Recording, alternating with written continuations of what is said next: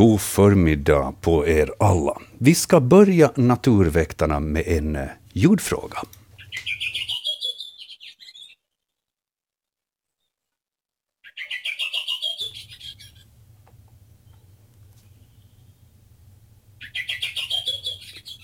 Hej! Kan ni identifiera bifogad fågelsång? Den sjöng flera kvällar i rad i mitten på juli i somras. Platsen var Grönvik-fladdan i Norra Korsholm och fågeln var grönaktig och samma storlek som en domherre. Vi har googlat men inte hittat rätt ljud. Kan tillägga att eh, den ännu var kanske mera grågrön än grön. Den flög fram och tillbaka mellan två träd, avståndet ungefär 30 meter, och flygstilen påminde om sädesärlan. Liksom i långa, svagt nedåt svängande bågar. Och den sjöng i båda träden däremellan. Det här hälsar Tore och Gilla Karlsson. Vad skulle du säga Hans? Vad tycker du att det här låter som? Ja, det här är en märklig fågelsång som melodin påminner mycket om rödvingetrast. Mm. Det här fallande fallande strofen och sen sån där kvitter i slutet. Uh, nu, nu, passar ju inte beskrivningen på fågeln in på rödvingetrast alls. Ja. Uh, rödvingetrasten är ju uh, betydligt större än en domherre. Och, och sen, ja, den går mest, mest i brunt och sen har den röda armhålor. Uh, det kan förstås också vara en bofink som, som sjunger lite avvikande. Det har börjat finnas bofinkar som sjunger lite avvikande nu för tiden. Och, och den passar ju till storlek och utseende på, på den här fågeln, men, men, men mm, mm.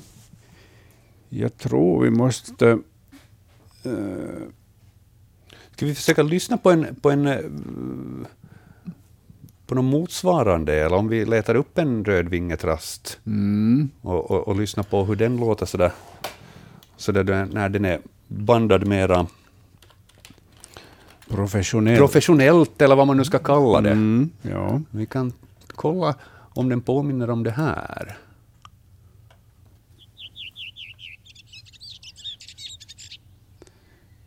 Det är mera energi i den här bandade ja. fågeln. Men melodin passar in. Det gör det. Så, och det finns ju eh, många dialekter hos rödvingetrassarna. De, alltså de, kan, de har olika dialekter, alla former av sin sång. Så, så det här... Så det är försiktigt preliminärt rödvingetrast, men jag tror nog vi ska undersöka det här ljudet bättre. Vi har ju ibland sällsynta arter hos oss som, Ja. som det här besöker vårt land och, och som vars sång jag inte alls känner till. Så att, eh, men vi tackar för den här bandingen och, och, och kollar upp den noggrannare nog, för säkerhets skull. Det ska vi göra. Ja. Det var första frågan i Naturväktarna den här förmiddagen. Välkomna med allihopa. Vi håller på fram till klockan 12.00, så vi kommer att ha gott om tid att besvara era frågor. Eh, Det har kommit en hel del frågor in på e-posten redan innan sändningen, och vi har satt in som vi brukar, eh, bilderna till de här frågorna i Naturväktarnas bildblogg. Den hittar ni på svenska.yle.fi natur. Och eh, där har vi då satt in samtliga frågor med bild som har kommit in här innan sändningen. Ni kan för all del skicka in fler frågor och kommentera frågor som vi har behandlat nyligen på adressen natursnabelayle.fi. Vi kommer också att ta era telefonsamtal här småningom. Då är telefonnumret det vanliga 0600 11 12 13. Första samtalet tar vi väl om en sådär 10-15 minuter ungefär. Vi har en hel del frågor att behandla innan det. Där kort upplägget. Hans Hästbacka expert idag. Välkommen med Hans och välkommen med också du som sitter vid radioapparaten eller i bilen eller var du nu befinner dig. Det här kan jag också säga att är den sista förmiddagssändningen för den här säsongen. För från och med maj månad, då går vi över till våra kvällssändningar varje vecka. Så då är det torsdagar 1922 som gäller igen. Men eh, innan det så hinner vi också med en till kvällssändning och det är den 21 april. Då kommer vi att tala älgar lite mer speciellt. För att småningom så kör ju den stora älgvandringen igång igen. Den här storsatsningen som Sveriges Television kör igång. Där Yle Eh, svenska Yle är med också som samproducenter, så att mycket älginnehåll kommer ni att märka också på våra webbsidor och liknande. Vi kommer att tala om älgar i radio och liknande. Och vi kommer att ha en Naturväktarna special den 21 april på kvällen, då vi bara ägnar oss åt älgar. Men nu, nu är det de vanliga naturväktarna som gäller. Hans har upp en hand. Ja, jag tänkte att vi måste uppmärksamma fågelvåren som har börjat. Det, det, är, det är ju otroligt med fågel eh, på gång nu.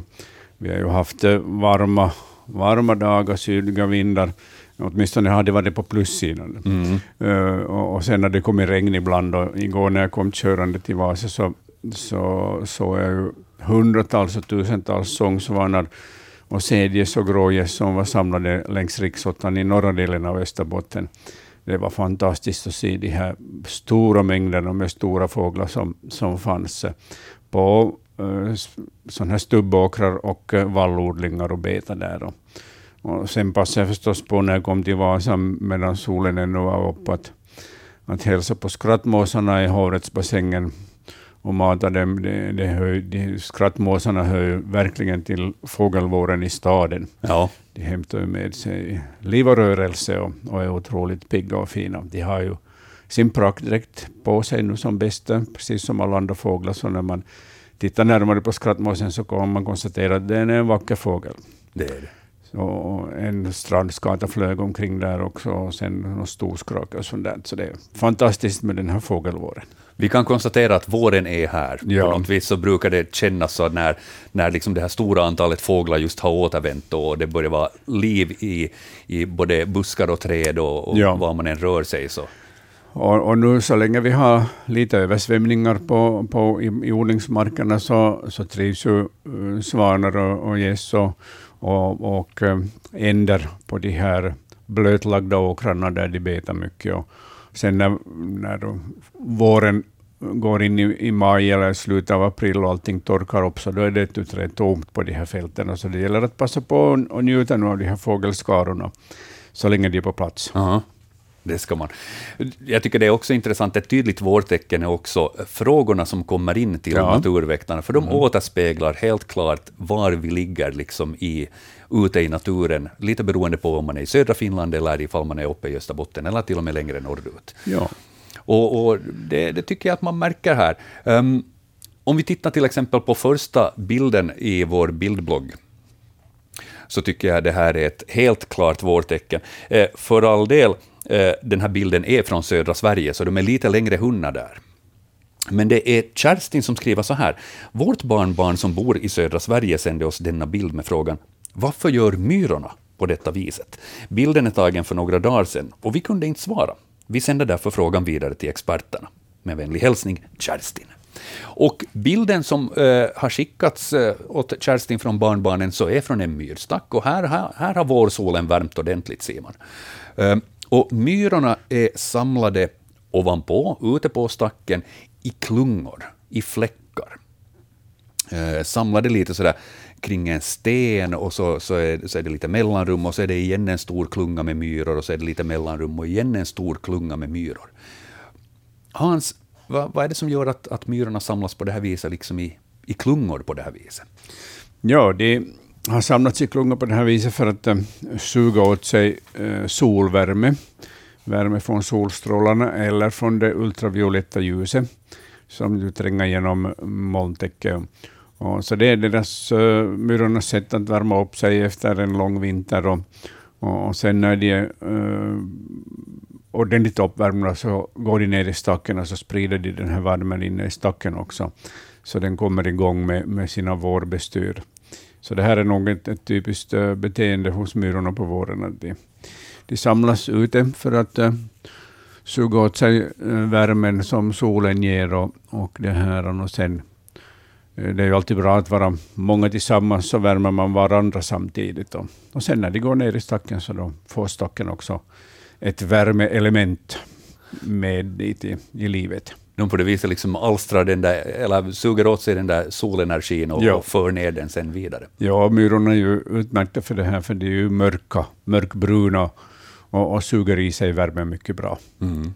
Och, så ett eh, mycket trevligt vårtecken och ett mycket typiskt vårbeteende hos myrorna. Ja. Och det där kanske vi inte har sett riktigt i, i mm, vårt land ännu, men det är på gång. Det är på kommande, ja. Mm.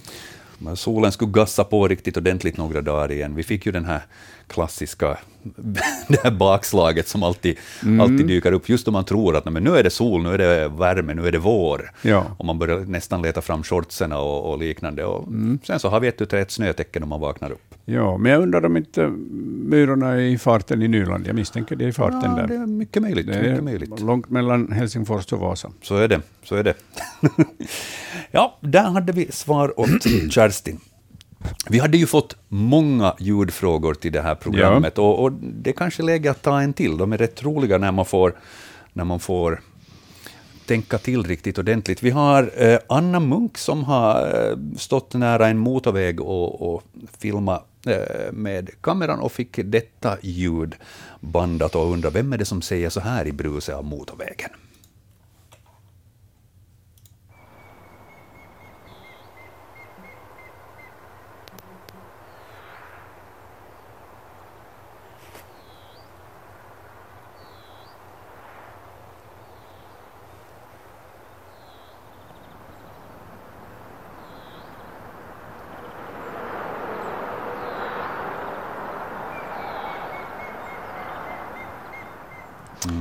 Det Ja. var just det där du, Py, ljudet. py, py, py, py, py. Det är gråspettens revirrope. Så bredvid motorvägen så finns gråspetten.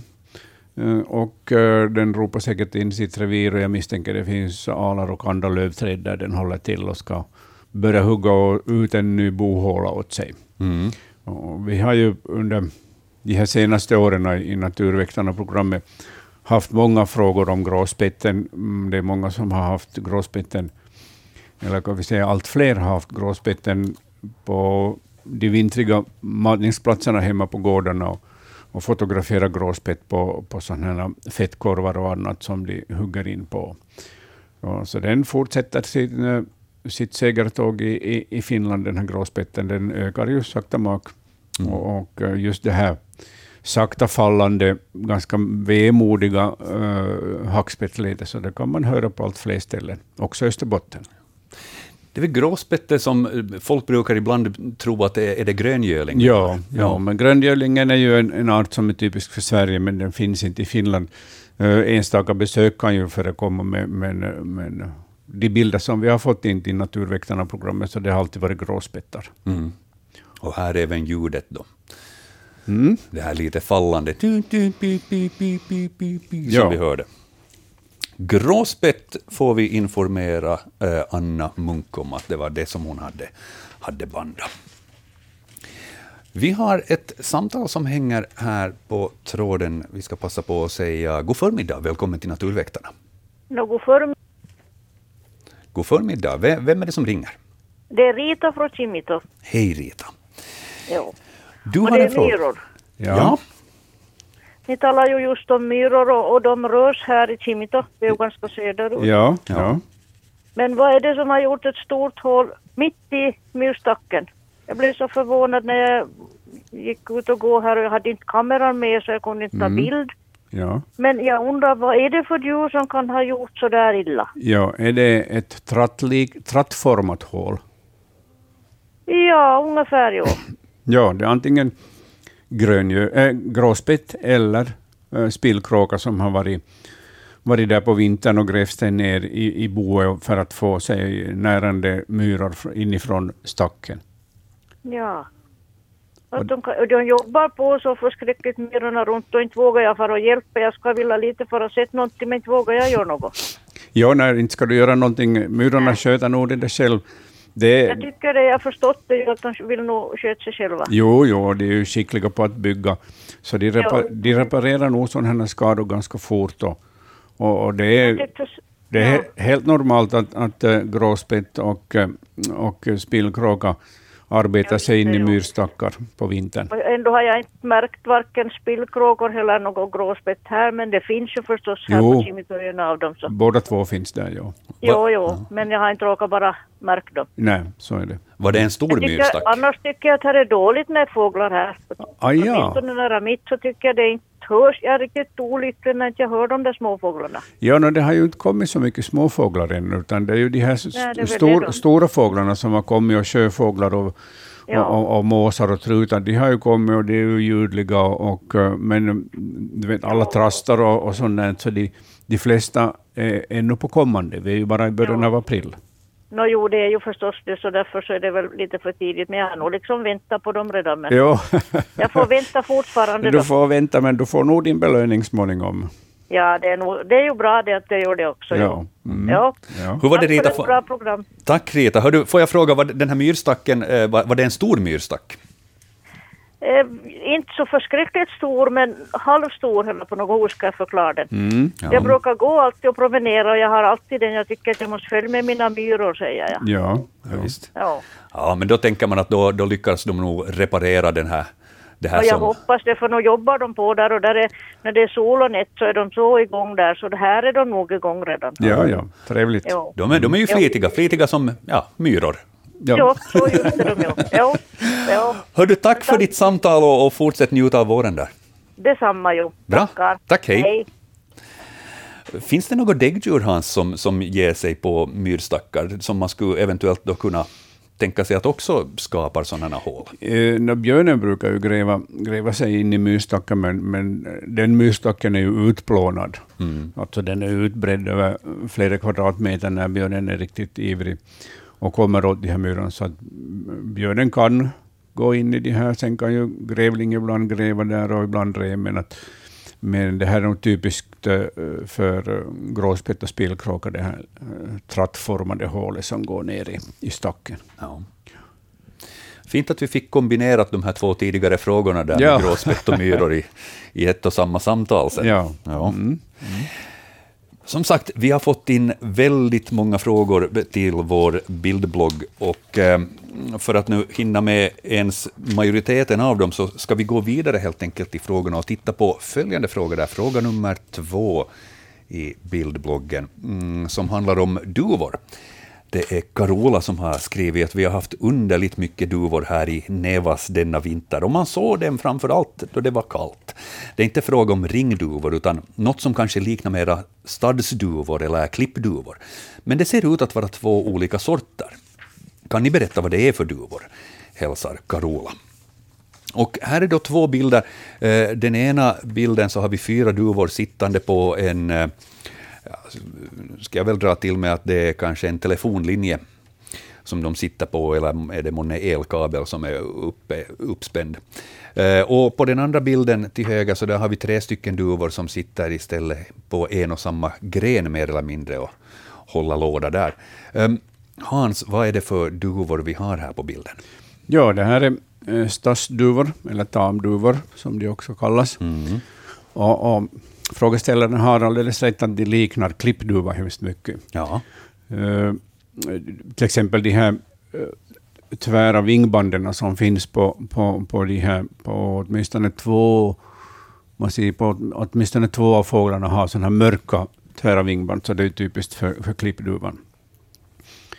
Klippduvan finns ju vid Medelhavet, naturligt förekommande, och, och från klippduvan så har man odlat fram brevduvor, som ju sen kan få alla möjliga färger. Och eh, förrymda brevduvor har sedan blivit tamduvor eller stadsduvor i våra städer. Och, och de har just de här känneteckningarna som klippduvan har. Men sen finns det ju stadsduvor som har ganska mycket vitt i sig, och till, eh, så att den, den här variationen i, i, färgerna så är, ganska stor. Men eh, som sagt, det är tamduvor eller stadsduvor och de har givetvis kommit, kommit till matningsplatsen när det har varit kallt på vintern och de har behövt extra mycket mat. Mm. Det här är helt enkelt förklaringen till varför det har synts så mycket där. Då Ja, kanske. ja. Och när duvorna hittar ett bra, bra, matnings, ett, ett bra matställe, födoställe, så, så går ju ryktet sen och sen kommer ju allt flera dit. Mm. Svar där åt Carola med andra ord. Stadsduvor. Och Ja. ja, de liknar klippduvor, det gör de. Ja.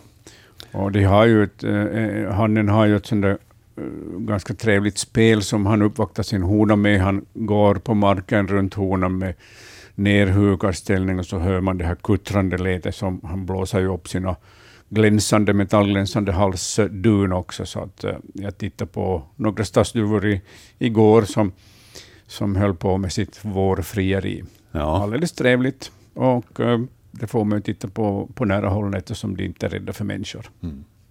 De här färgvariationerna som du var inne på eh, med just stadsduvor, det kan förekomma inslag av vitt och allt sånt här. Vitt och, vitt och brunt och alla, ja det är det normala. Mm. Eh, Till, till viss del så kan ju sånt här påverkas av födan de får i sig eh, just när de rör sig i städer, ifall det liksom blir lite enahanda. Ja, men de här tamduvorna så de brukar nog få i sig bättre föda än, än till exempel kråkor och skator som, eh, som häckar i stan och som äter mycket, mycket det här fransk potatis och chips och sånt där, och där ungarna kan då få vita, helt vita inslag i fjäderdräkten på grund av eh, undermålig föda. Ja. Tamduvorna så, så matas ju ofta av- folk och, och får bland annat spannmål, havre och, och vete och sånt där, och det är ju en fullgod föda. Så, så det här vita inslaget som finns eh, i, i, i tamduvornas fjäderdräkt, så det är nog, beror inte på födan, utan det beror på att den har, människan har genom sin odling av klippduvan till, till brevduva, så har det sen uppenbarat sig en massa färger. Och de här färgerna så finns det också hos tamduvan, delvis ännu kvar. Eh, På tal om att mata fåglar, eh, Sinni har skickat in en fråga här utan bild, där hon bara frågar, jag har sett att många matar fåglar med bröd. Hur vettigt är det? Man ska ju inte enbart ge bröd åt, åt fåglar, och, och, speciellt inte bara vitt bröd som ju har sämsta näringsvärde. Eh, Man kan delvis ge bröd åt, åt fåglarna och de brukar ju vara ganska bra på att, att reglera näringsintaget själv om det finns ett utbud, ett lite bredare utbud. Det finns ju vissa arter som, som gillar bröd mer än andra, till exempel kråkfåglarna. Och, och, och, eh, eh, man behöver ju inte ge de här, det här så att säga sämsta brödet, utan man kan ge lite bättre bröd. Mångkornsbröd och sånt där. Så Ja. Då är det ju fullgod föda. Ja, ja, ja. Tillräckligt, med, tillräckligt med näring och, Ja. och fibrer och, och allt vad de behöver. Mm. Ja. Men det är klart, det är många som, som tycker att, att det är synd att kasta bort bröden när det har blivit lite gammalt, det har blivit torkat lite och sånt där. Och, och då kan man ge det istället åt fåglarna för att kasta bort det. Ja. Och, eh, Kanske blanda upp det då tillsammans Ja, ja. med lite Mm. havre och liknande. Så. ja. Ja. Bra. Bra fråga av Sinni där, så har vi benat ut den också. Eh, sedan från fåglar vidare till däggdjur. Ett ganska smått sådant, men eh, det är Samuel som har eh, skickat in en bild som är tagen med viltkamera och sen så har han då tagit en bild på bilden från viltkameran. Så på det viset är upplösningen inte den bästa, men vi tror oss nog ha ett svar på den här. Eh, Samuel skriver så här. Hej, jag har utfodrat mat åt rådjuren och fått denna bild på viltkameran. Jag funderar ifall det är en mullvad eller en ekorre.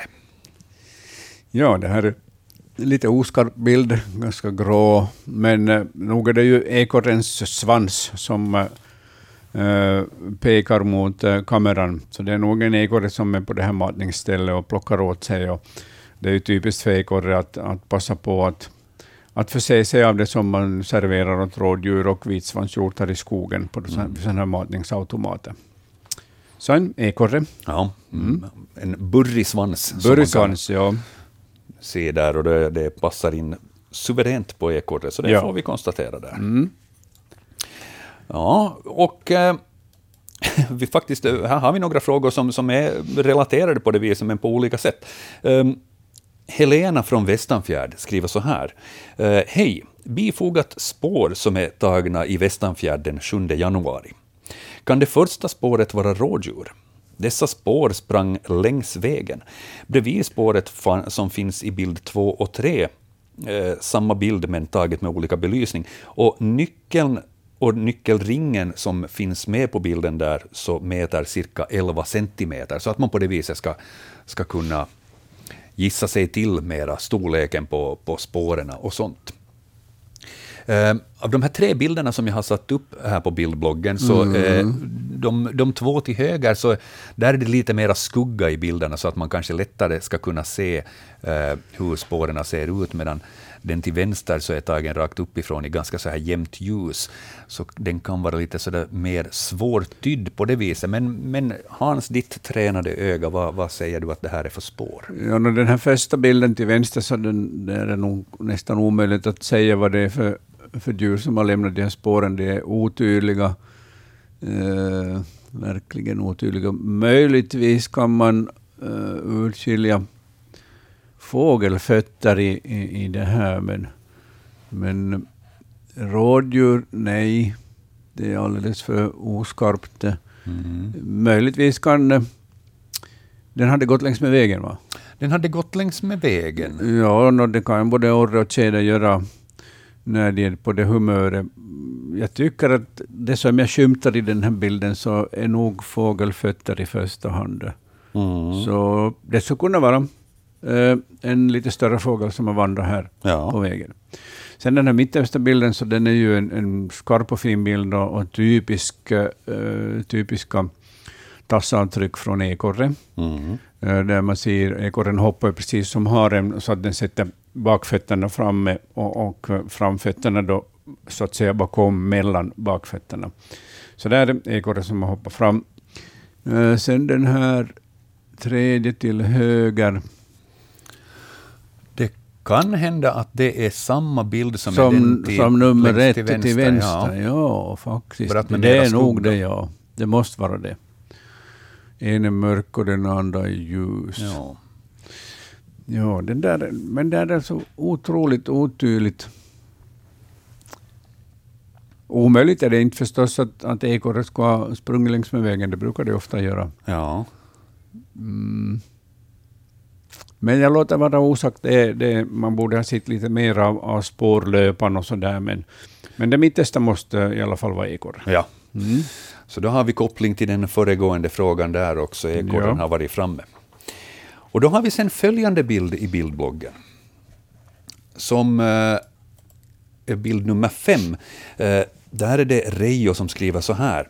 Vad kan det här bero på? Jag har flera granar på gården, men det är bara en som fäller dessa skott. Jag har inte sett några fåglar eller ekorre där. Och på den här bilden så ser man helt klart en, en gran och på marken då massor med korta grankvistar, korta granskott Ja. på det viset. Det är, marken är täckt. Det är knappt så att man ser snön däremellan. Uh, vad ska vi svara här?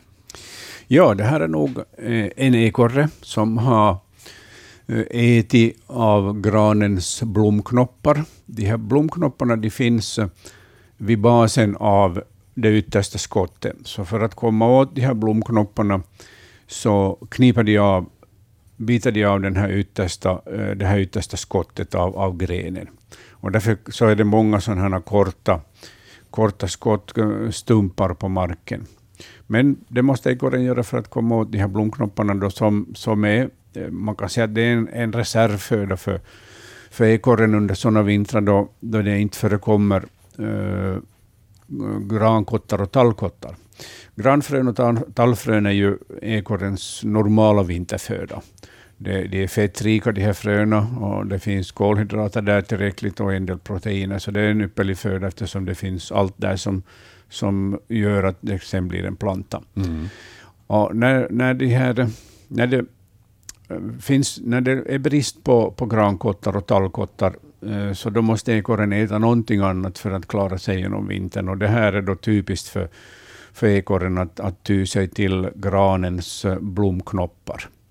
Och därför kan snön vara översållad av sådana här kvistar, eh, toppändor, då, skottändor. Och om man, tittar man närmare så ser man också att, att det finns eh, eh, så här gry, grönigt nedfall på snön också. Det är förmodligen då fjäll från de här blomknopparna som också har fallit ner på marken. Ja.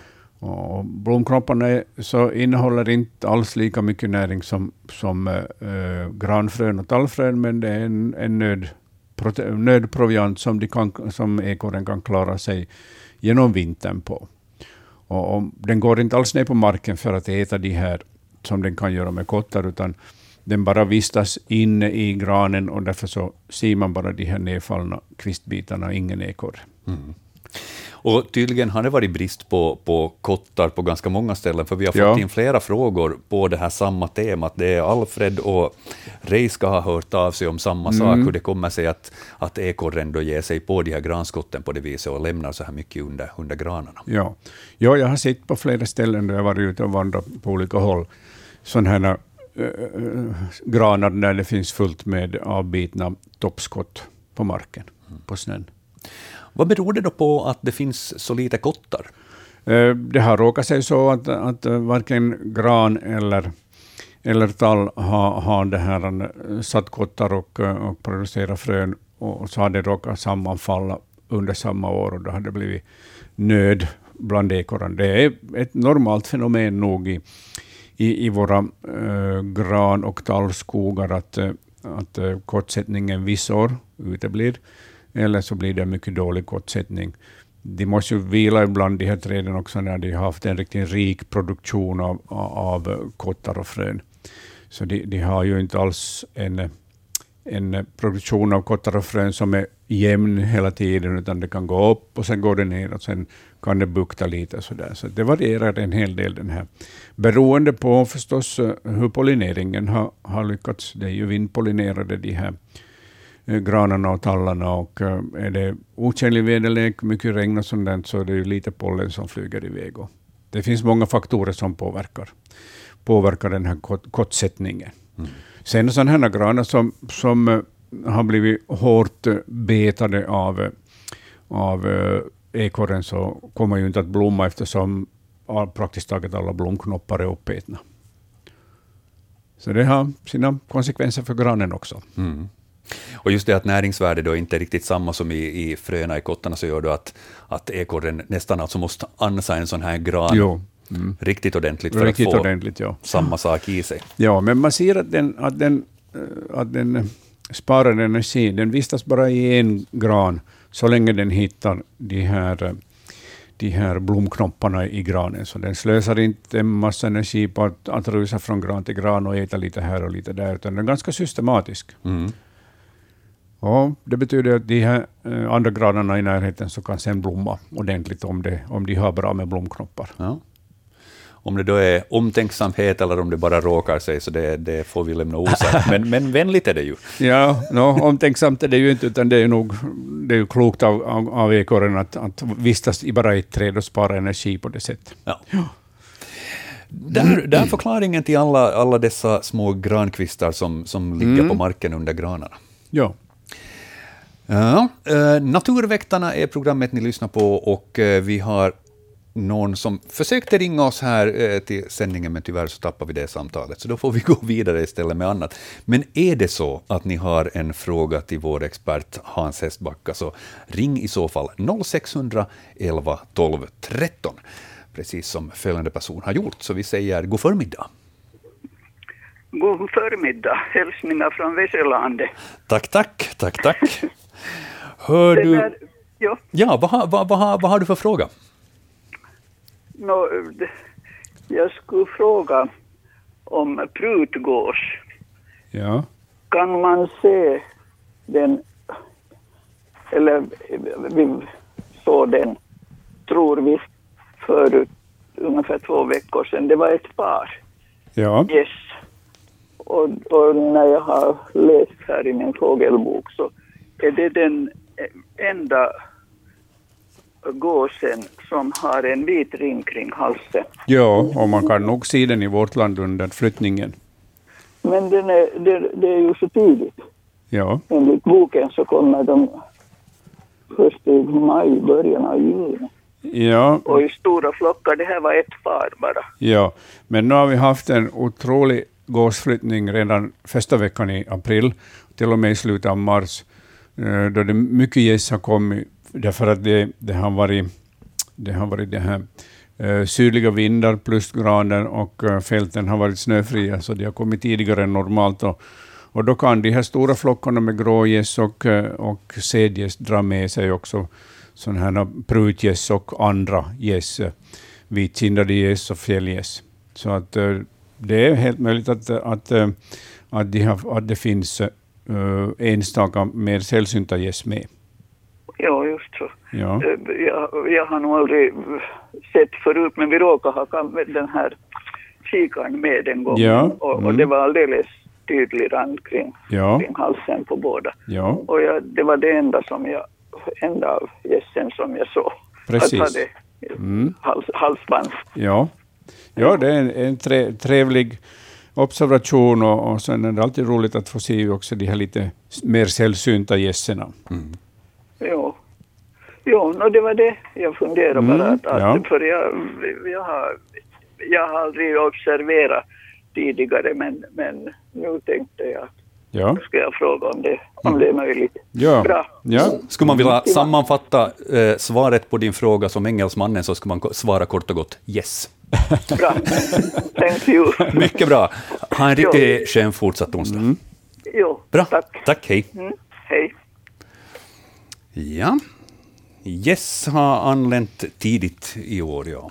Ja, prutgåsen är ju, en, är ju en arktisk art eh, som inte häckar i vårt land, utan den flyttar långt norrut. Och, men, eh, men årligen så observeras det ju en, en hel del prutgäss i vårt land. Och, och, och de vistas tillsammans, trivs tillsammans med andra gäss. Så det, det är helt möjligt att se den redan nu. Och man får bara gratulera till den trevliga observationen. Mm. Och vad sa du, det var den här ringen runt halsen som Ja, var En tydligt? vit, en vit ring har den runt halsen. Ja. Eh, mm, Så det, det är det mest typiska för, för pruttgåsen. Och ingen annan gås har en sån vit ring. Lätt på det viset Ja. att, att artbestämma. Då. Mm. Ja, det var en intressant fråga. Um, vi ska titta vidare i bildbloggen igen innan vi tar fler telefonsamtal. Um, så då kommer vi fram till den här bilden, bild nummer sex i vår bildblogg. Det är Yvonne som har skickat in den här. Uh, flera fotografier på, på spår i snön på gården där. Eh, hon skriver, jag undrar vad det är för djur som har gått i snön alldeles fast i vårt radhus i Esbo. Eh, grannen har en katt som går lös omkring. Undrar om den nu också går helt utanför vår dörr. Här finns också ekorrar, harar och ett rådjur. Den andra frågan är sen, vad är det för djur som flera dagar i rad grävt utanför vår ytterdörr i blomkrukorna? Är det månne grannens katt, eller är det en fågel, eller är det ekorren? Vem gräver i mullen? Tacksam för svar, hälsar Yvonne i Esbo alltså. Om vi skulle ta de här frågorna då i, i delar, dels så har vi den här första frågan om, om spåren i snön. Jag har satt in tre av bilderna i vår bildblogg. Um, och eh, här ser man spåren längs med betongplattorna som finns i hennes trädgård. Och eh, mitt eh, otränade öga så tror sig ändå ha kunnat bestämma det här att det, det, det är någon som så där brukar dyka upp kring påsk. Mm, Ja, möj, möjligtvis. Har Ja. eventuellt. Det ser ut som harspår eftersom man har, eftersom de här fram, baktassarna är framme bredvid varandra och sen baktassarna bakom efter varandra. Eh, det var i Esbo, Ja. ja, Nyland. ja. Mm. Ja, jag började fundera om, om det skulle kunna vara om det skulle kunna vara kanin. Ja, ja, det kan det ju vara. Vad är det som skiljer harspår och kaninspår från varandra? Är det enbart storleken man har? Nå, storleken förstås och, förstås också tas, eh, tas avtrycken som sådana. Eh, no, jag tycker det, det är inte typiskt hare, men det är ju klart en hare som skuttar så där sakta mak fram, fram och betar här och där och sitter och funderar, så, så den, eh, den lämnar ju lite annorlunda spår, men, men jag har lite sån känsla av att det skulle kunna vara att det skulle kunna vara kanin som har varit i farten här. Ja. De rör sig på samma sätt, harar och kaniner, Ja. och lämnar på det viset Mm. likadana spår. Ja, och sen ser man ju lite, jag tycker att det om, om, det bara, om det inte skräp allt det här som syns här på snön så, så finns det några avföringspärlor här också, men det kan hända att det är bladbitar och, och kottefjäll och sånt där. Ja. Mm. Men i alla fall, antingen hare eller kanin. Mm. Och då håller jag en hacka på kaninen. Ja. Eh, och det är alldeles klart att grannens katt så, så stryker säkert runt huset. Det gör de alltid när de, när de får vandra fritt. Eh, just här ser man inga kattspår på de här tre bilderna. Nej. Men om vi då tittar på, på de övriga bilder som, han, som hon har skickat Mm. in, eh, så eventuellt kanske katten är inblandad i det här. Eh, här hade hon ju alltså undrat då vem det är som har grävt i, i blomkrukorna utanför hennes ytterdörr. Och, och här är några bilder på de här blomkrukorna där jorden har sprättats upp ganska ordentligt från eh, vad ska vi säga, blombänkar och, och, och blomkrukor och, och liknande. Eh, Är det här någonting som en kattmånne har gjort, eller, eller ska vi... Nå, katten så, så den brukar täcka över sin avföring. Eh, och det är inte frågor om det här, utan det här är nog eh, till exempel eh, kaniner, så de gräver ju gärna.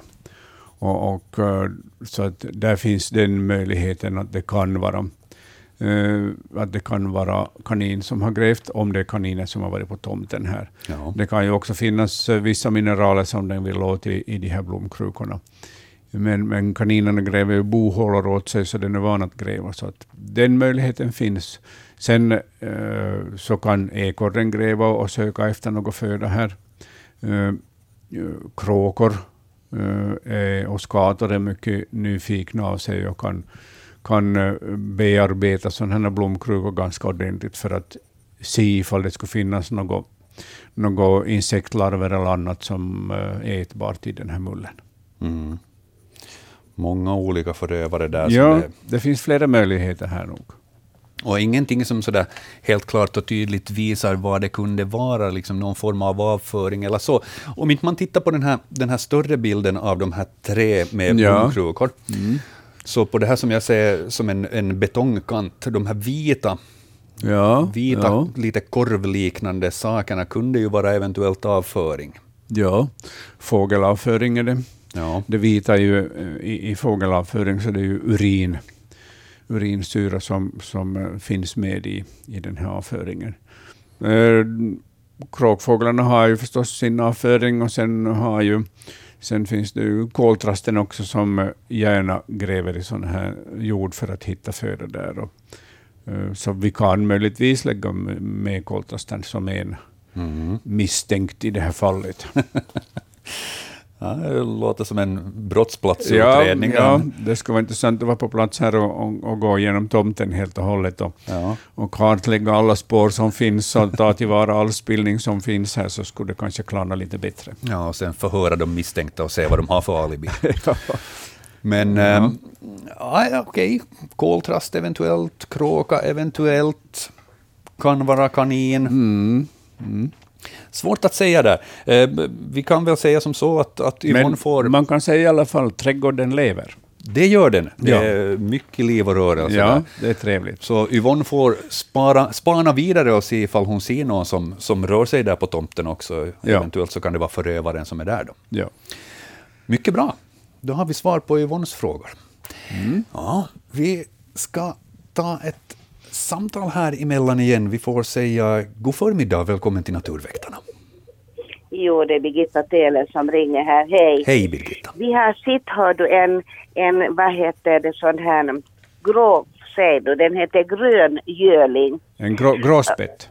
Nej, grön göling och det var så typiskt grön göling. Ja, mm. Och den var på Tahkovuori. Jaha. Mm. Och, och det där, och den, den var ju, vi trodde ju först att det var en hackspett, men inte har vi ju någonsin sett en sån där grön hackspett och dessutom hade den liksom rött på huvudet. Ja. Mm. Och det där, och, och vi tittar nu i flera olika sådana här äh, äh, fågelböcker och, och hur än vi tittar så tycker de att det står att det skulle finnas i Sverige, men det fanns nog där. Ja, alltså det, Det var nog så, mm. det, finns, Ja. det finns ju enstaka exemplar som, som besöker Finland, som kommer från Sverige. ja, Men, men det finns inte häckande i, i, i vårt land. Men att, eh, men att sådana här långväga besök kan vi få också till Ja. vårt land. Mm. Och det var ju det här vi var inne på här tidigare med just att, att gråspett och gröngöling så kan ibland misstas för varandra och, och, och så här. För att de, det finns saker som påminner. jo. Ja. Men hur än vi tittade så tyckte vi, och det kom inte hemskt ofta, men det kom nog flera gånger. Det kom före påsken och det kom, och, så, och vi såg det med min man när vi var hos min dotter där på tacos så såg vi den också ett par gånger när, när hon har varit så länge där och i vid mat och, och där Ja. var de troget kom de, men inte varje dag, men nu kom de dit. Ja, ja. Så nu, och jag var så glad när jag såg det, för jag sa åt, åt min dotter Maria att här är jag då att inte kan ju en hackspett vara grön inte. Ja. Ja. men, men sen såg jag det med egna ögon, så nu tror jag på det. Ja, Men är bra. det sen en, kanske det är en, en gröngöling? Det kan vara en gröngöling som har kommit på besök från Sverige. Ja, just precis det. Ja. Vi får tro det. Okej. Mycket Tack bra. ska du ha. Tack för ditt samtal. Hej, hej. Tack, hej. Ja, som, vi- som vi var inne på tidigare, de, den brukar inte mm, häcka här, men visst, långväga gäst. Jo, den häckar aldrig här. Har aldrig hittills häckat här. Ja. Mm, men fåglar har vingar. Så är det, och de rör på sig. Ja. Vissa rör på sig långa sträckor också. Så inte alls omöjligt. Bra, tack Birgitta för det samtalet. Tio minuter i jämn timme, lite drygt, av Naturväktarna. Det här betyder att det blir nyheter här i Yle Vega klockan 11 och sen så blir det ju också nyheter på lätt svenska sen 25 minuter i 12. Ehm, där ramarna för programmet. eh, Vi hinner med en hel del frågor här ännu innan vi ska ge plats för nyheterna. Ehm, Bland annat så tittar vi vidare i bildbloggen på en bild som Mattias har skickat in. Ehm, Det har varit rätt mycket snö under den här eh, vintersäsongen som vi har haft. Och eh, vissa så, så drabbas mer av snö och snötyngd än andra. I det här fallet så är det Mattias körsbärsträd som har eh, helt enkelt inte klarat av tyngden från snön i vinter. Eh, Och eh, det här har lett till att den lägsta riktigt grova grenen, så den, den, har, den har brustit och, och, och eh, lämnat hängande. Och eh, Mattias undrar nu eh, att ska han såga av den ett stycke just före stammen eh, och eh, sedan typ trycka tillbaks stamdelen som rivits mot stammen och binda fast den? Eller är det så att, att trädet nu får helt ge vika för att den har blivit uppriven ända in till mitten av stammen så, så att hela trädet inte kommer att klara sig? Och bilderna han har skickat så visar ju klart och tydligt hur, hur stor skada egentligen det har blivit på själva körsbärsträdets stam, då nedersta grenen har, har fått ge vika där. Men Hans, vad, vad skulle du säga, klarar sig det här körsbärsträdet eller är det så att man får göra snickerimaterial av det? Eh, jag skulle inte såga ner körsbärsträdet. Det är ett gammalt fint träd. Eh, den här grova grenen då som, som, eh, som syns här och som vänder sig till höger på stammen på första bilden, så, så den skulle jag såga bort eh, försiktigt då genom att såga av, eh, såga av den här återstående eh, delen av, av grenen. Inte, inte nära stammen utan en bit uppe, så att man inte skadar mer av stammen. Sen finns det, finns det sån här skyddsmedel som man kan stryka på, på sådana här skador Eh, som man får i, i trädgårdsbutiker. Det kan vara eh, eh som förhindrar till exempel svampangrepp. Så jag skulle behandla det här, det här, det här uppfläkta, uppfläkta eh, stamdelen skulle jag behandla med ett sådant där medel. Då. Man brukar sätta det på äppelträd och sånt när, man, när de drabbas av sådana här, sådana här skador. Eh, jag tror ju att det här körsbärsträdet kommer att trivas länge än och, och fortsätta att producera, fortsätta att blomma vackert och eh, producera körsbär. Eh, så en försiktig avsågning av, av den här grova grenen som har, har knäckts loss från stammen och, och sen en behandling av det här öppna sårstället. Det här som Mattias var lite inne på här i sin frågeställning, att på något vis såga av den här grenen då som, eh, som har brustit och lämna hängande, men på det viset så att man sparar den här delen som så att säga har lossnat från stammen och försöka trycka tillbaks den och knyta ihop eller någonting sånt. Är det bara ett sätt att inbjuda till mera röta och, Ja, och det liknande? tror jag. Eller? Ja, det, det, det, det får vara så här öppet. Huvudsaken man behandlar, behandlar allting då med, med, med det här skyddsmedlet som, som finns. Och, och, och, om han vill använda ett sådant här skyddsmedel. Och, och sen får man bara hejar på körsbärsträdet och hoppas det klarar sig 10-20 år till. Ja. Mm. Ja, trevligt att ha körsbärsträd på gården, Ja, det råkar visst. jag också ha, och då körsbärsträdet blommar. Ja, det, ja, det, ja. Det, det är en kort men, men njutningsbar tid. Mm. Ja, vad fint. Så Mattias kan göra allt för att bevara resten av trädet, tycker jag. Ja, vi, vi, ska, vi ska hoppas att det där håller sig helt enkelt. Ja. Där eh, några av frågorna vi nu har behandlat i Naturväktarna och de här bilderna som vi talar om, så de hittar ni alltså på vår bildblogg. Gå in på svenska.yle.fi snedstreck natur och där kan ni klicka vidare till Naturväktarnas bildblogg så får ni följa med där.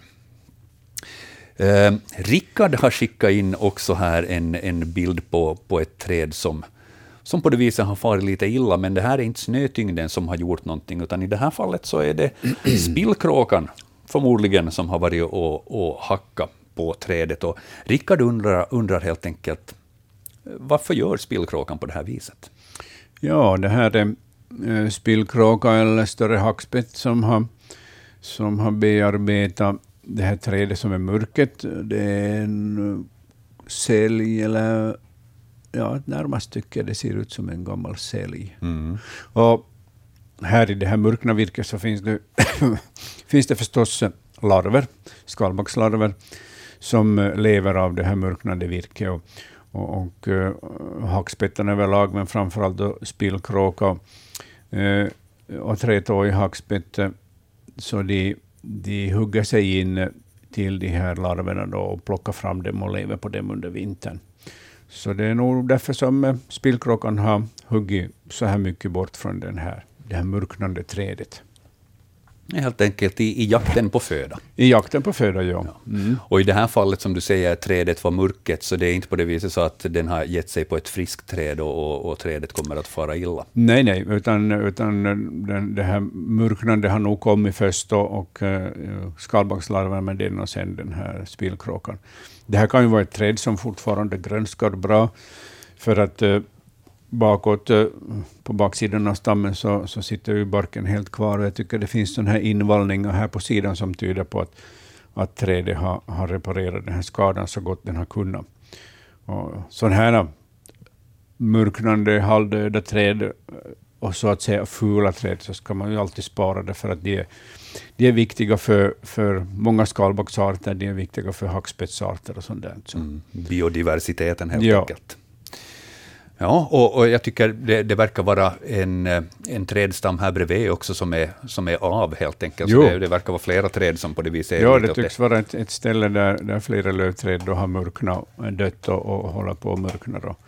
Och, och en, en stor tillgång just för, säkert för en del hotade arter, och för en del hotade skalbaggsarter. Och, och, och, eh, till exempel mindre hackspetten som är vår minsta hackspett, så den är ju helt beroende av att det finns sådana här döda och mörknande alar och andra lövträd i skogsbryn och längs med eh, åstränder och sjöstränder. Ja.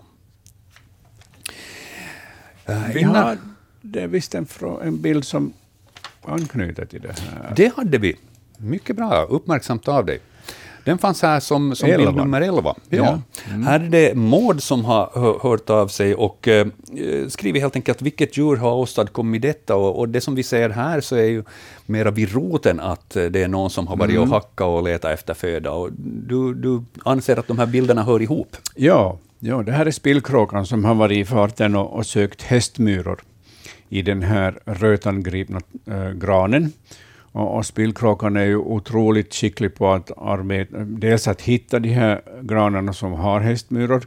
Den har ju en god hörsel till exempel och, och hör de här skrapplande letena som finns inne i, i, i, i de här granarna där hästmyror finns. Och, och sen eh, så finns det ju vissa små tecken ute på stammen också eh, som tyder på att det kan finnas hästmyror här. Och den, de här hästmyrorna så de lever ju i rötterna och i den allra nedersta delen av, av den här rötangripna stammen. Och, och eh, spillkråkan så den eh, hugger friskt in på, i, i, i, på de här rötterna och stam, nedersta stamdelen. Och, och sen med sin långa tunga, alla hackspettar har ju en mycket lång tunga som de skjuter in i sådana här gångar och, och äh, fångar på det sättet. I det här fallet då hästmyrorna och kanske till och med puppor som den kommer åt. Uh, spillkrockan tillbringar ganska mycket uh, tid på marken, precis som andra hackspettar också. Normalt ser man ju den på träd. Mm. Aha, ja, de, de håller till bara i träd, men, men de plockar mycket uh, på marken och, och, och hämtar mycket föda på det här sättet. Så att, uh, ibland när man har tur och har gått försiktigt i skogen, så kan man överraska en spillkråka som håller på med sitt arbete på det här sättet. Och, och det är ju ett, ett, ett utsatt utsatt det här stället för spillkråkan. Den upptäcker inte till exempel duvhökomod så bra mm. när den håller på med sitt jobb. Men, men eftersom den är specialiserad på hästmyror så måste den göra så här ibland för att komma åt hästmyrorna. Så spillkråka har vi som förövare där också ja. på, på mm. Mauds bild. Ja. ja.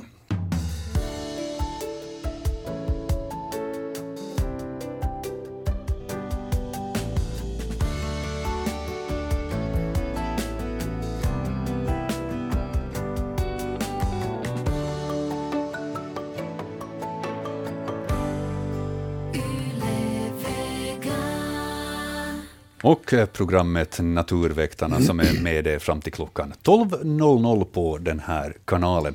Hans Hästbacka är expert idag. Mitt namn är Joakim Lax. Välkomna med. Vi har besvarat några ljudfrågor här redan under sändningen, men vi ska ta en till.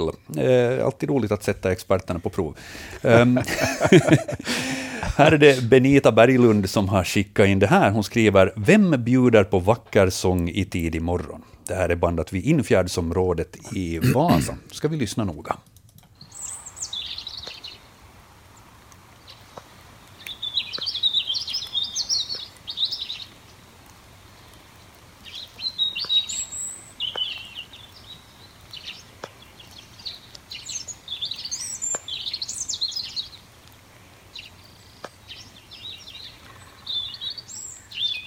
Vem är det som kvittrar där i bakgrunden? Ja, det här är en rödhake som sitter och sjunger.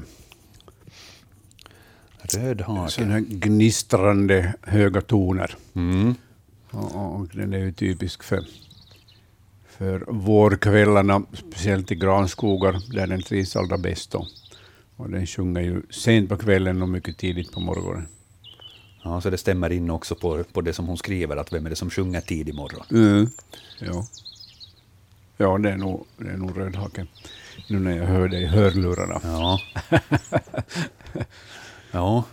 Det, det, det, kan ibland vara lite utmanande, som vi har märkt också med de här ljudklippen ni skickar in, ifall det är bilar som kör i bakgrunden mm. och, och, liknande, att, att liksom kunna särskilja det här. Men det enda som fanns här så där i bakgrunden så var väl kanske lite vattendroppande. Ja, och sen var det någon hackspett som trumma tyckte jag avlägset också. Ja, mm. ska lyssna.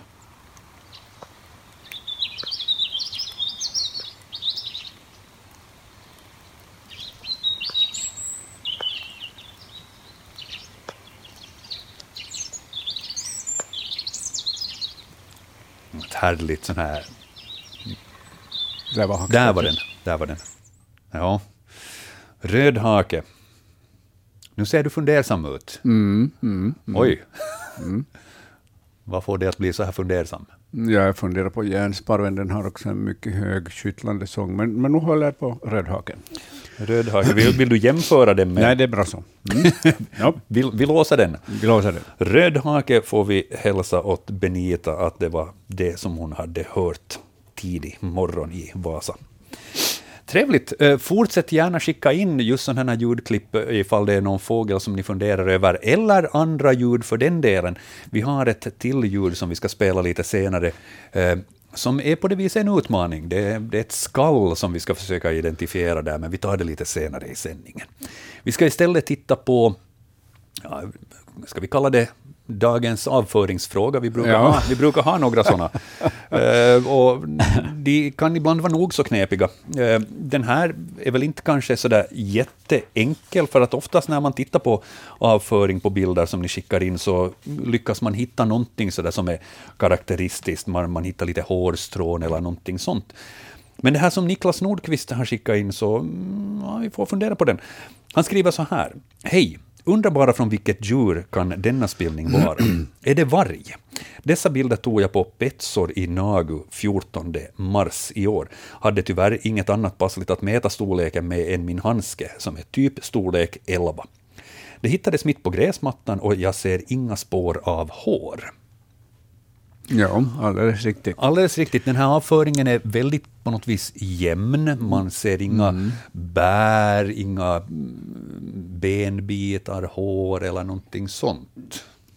Ja, det är ju sån, till exempel vargspillning så innehåller ju alltid i varierande grad eh, eh, hår och benbitar. Eh, här finns inte tillstymmelsen till något sånt. Eh, också revens spillning så, så innehåller ju ofta hår och, och benbitar. Eh, nu är det här en relativt, ja, nog inte den så stor, eh, den skulle rymmas in i, i, i- den här tummen på handsken den här. Så det, Ja. ja. Men i alla fall, jag skulle nog säga, nu ligger ju tamhund, alltså hunden närmast till, en hund som har fått eh, eh, bra eh, knappföda, Mm. eh, som brukar ge just sån här jämn avföring. De hundar som får enbart sån här, sån här eh, fabriks, fabriksgjord fö, eh, föda, så, så får en sån här jämn avföring som inte har, innehåller några bytesrester alls. Inte.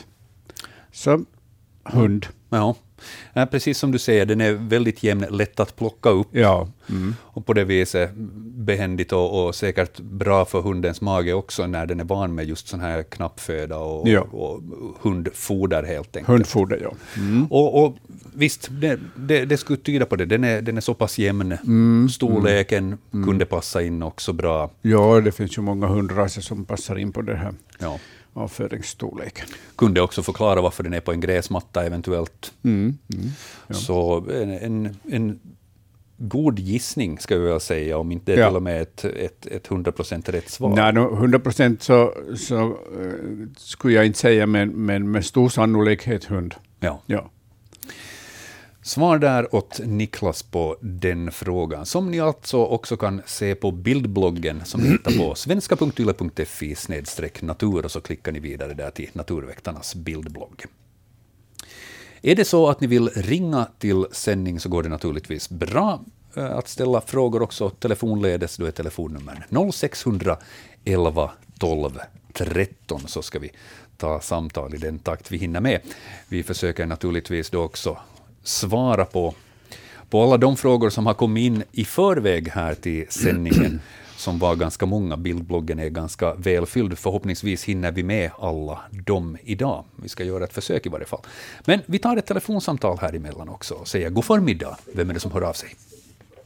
Eh, Det här är Gunilla från Östra Helsingfors. Hej Gunilla. Jag- Hej, jag tänkte fråga en sån sak att kan en, en koltrast ha vitt huvud? ja, det kan det. Aha, okej, Mm. då är det allt klart. Det är så här lite spräckligt, det ser ut som den skulle ha doppat huvudet i en mjölpåse och lite Ja, om. precis. Ja, ja vi, har fått, vi har fått i Naturväktarna under de ska vi säga, fem senaste åren, så har vi fått flera observationer och några bilder på uh, koltrasthannar, det är nästan alltid hannar, som, som har eh, vita inslag i fjäderdräkten, vitt på huvudet till exempel, eller helvitt huvud har vi haft, eh, och, och vita fläckar på bröstet om jag minns rätt. Och, så det, det, det är inte direkt ovanligt. Det här är nog en, en hona. Den hona, ja. för får- den, den är så här smäcker och, ja. och, väldigt så där vippig och snabb i rörelserna. Och Ja. Vad, har den på för, att bygga. ja, vad har den för grundfärg?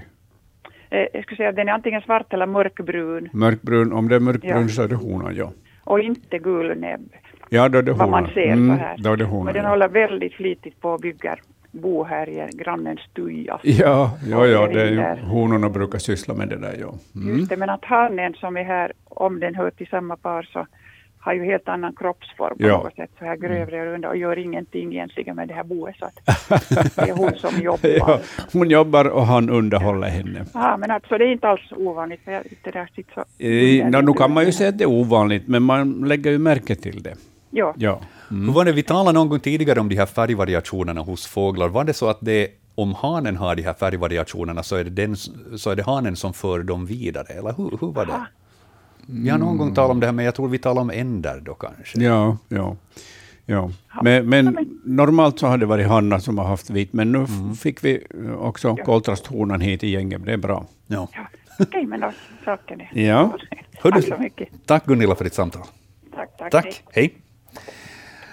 Ja, koltrasthona med vitt på huvudet. Japp. Bra, och det var från östra Helsingfors. Så ifall det är flera observationer på, på liknande så vet vi att det kan vara samma individ då i så fall. Du, du var inne på det att det, det är inte på det viset ovanligt ovanligt att det här kan förekomma. Uh, No. no, vi kan säga det är ovanligt förstås. Ja. Eh, men det är inte sällsynt något mera skulle jag säga, eftersom vi har fått in så många observationer på det. Precis. Men visst är det ovanligt. Ja. Ja.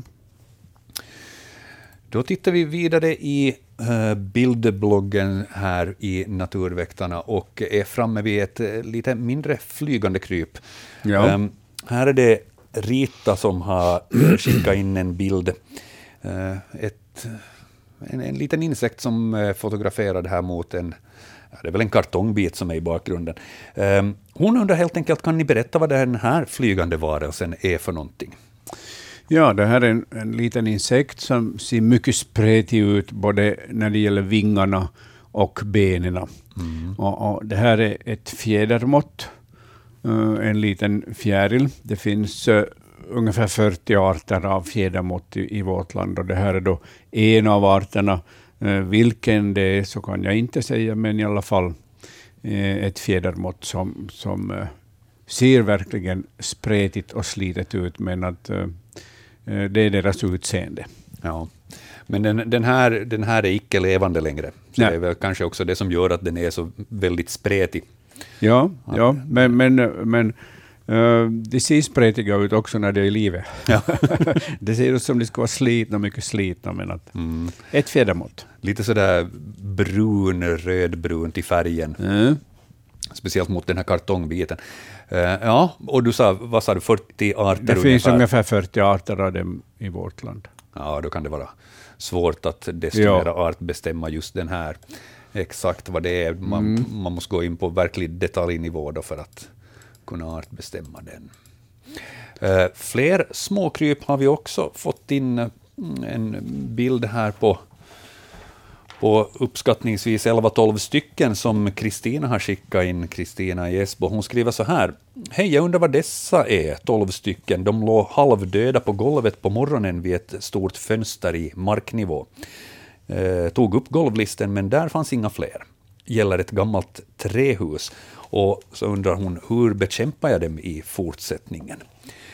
Ehm, vi har lite färgvariationer i de här små krabaterna. En som är ja, så gott som helvit i färgen, de övriga eh, mörkgråa till svarta kanske, så där på, på övre sidan. Eh, men, men vad det rör sig om, så det, det var det inte någon större fråga om det hade du på det klara, Hans. Ja, det här är gråsuggor som, eh, som det här trivs eh, i gamla hus ibland och också i nya hus ibland om, om de hittar fuktiga ställen där de kan, eh, där de kan vistas. Eh, det var en vacker, vacker samling av gråsuggor skulle jag säga. Eh, Själv skulle jag inte bekämpa de här gråsuggorna utan, utan eh, jag skulle låta dem finnas. De äter ju upp, äter ju upp så att säga skräp som faller på golvet och som finns bakom listor och sånt där biologiskt material som den, som den, är, den hör till nedbrytarna, de här gråsuggorna. En mycket gammal djurgrupp i, i, i, i världen. Det är ju klart, en del människor tycker inte om att ha gråsuggor eh, i, i sitt hem, men, men eh,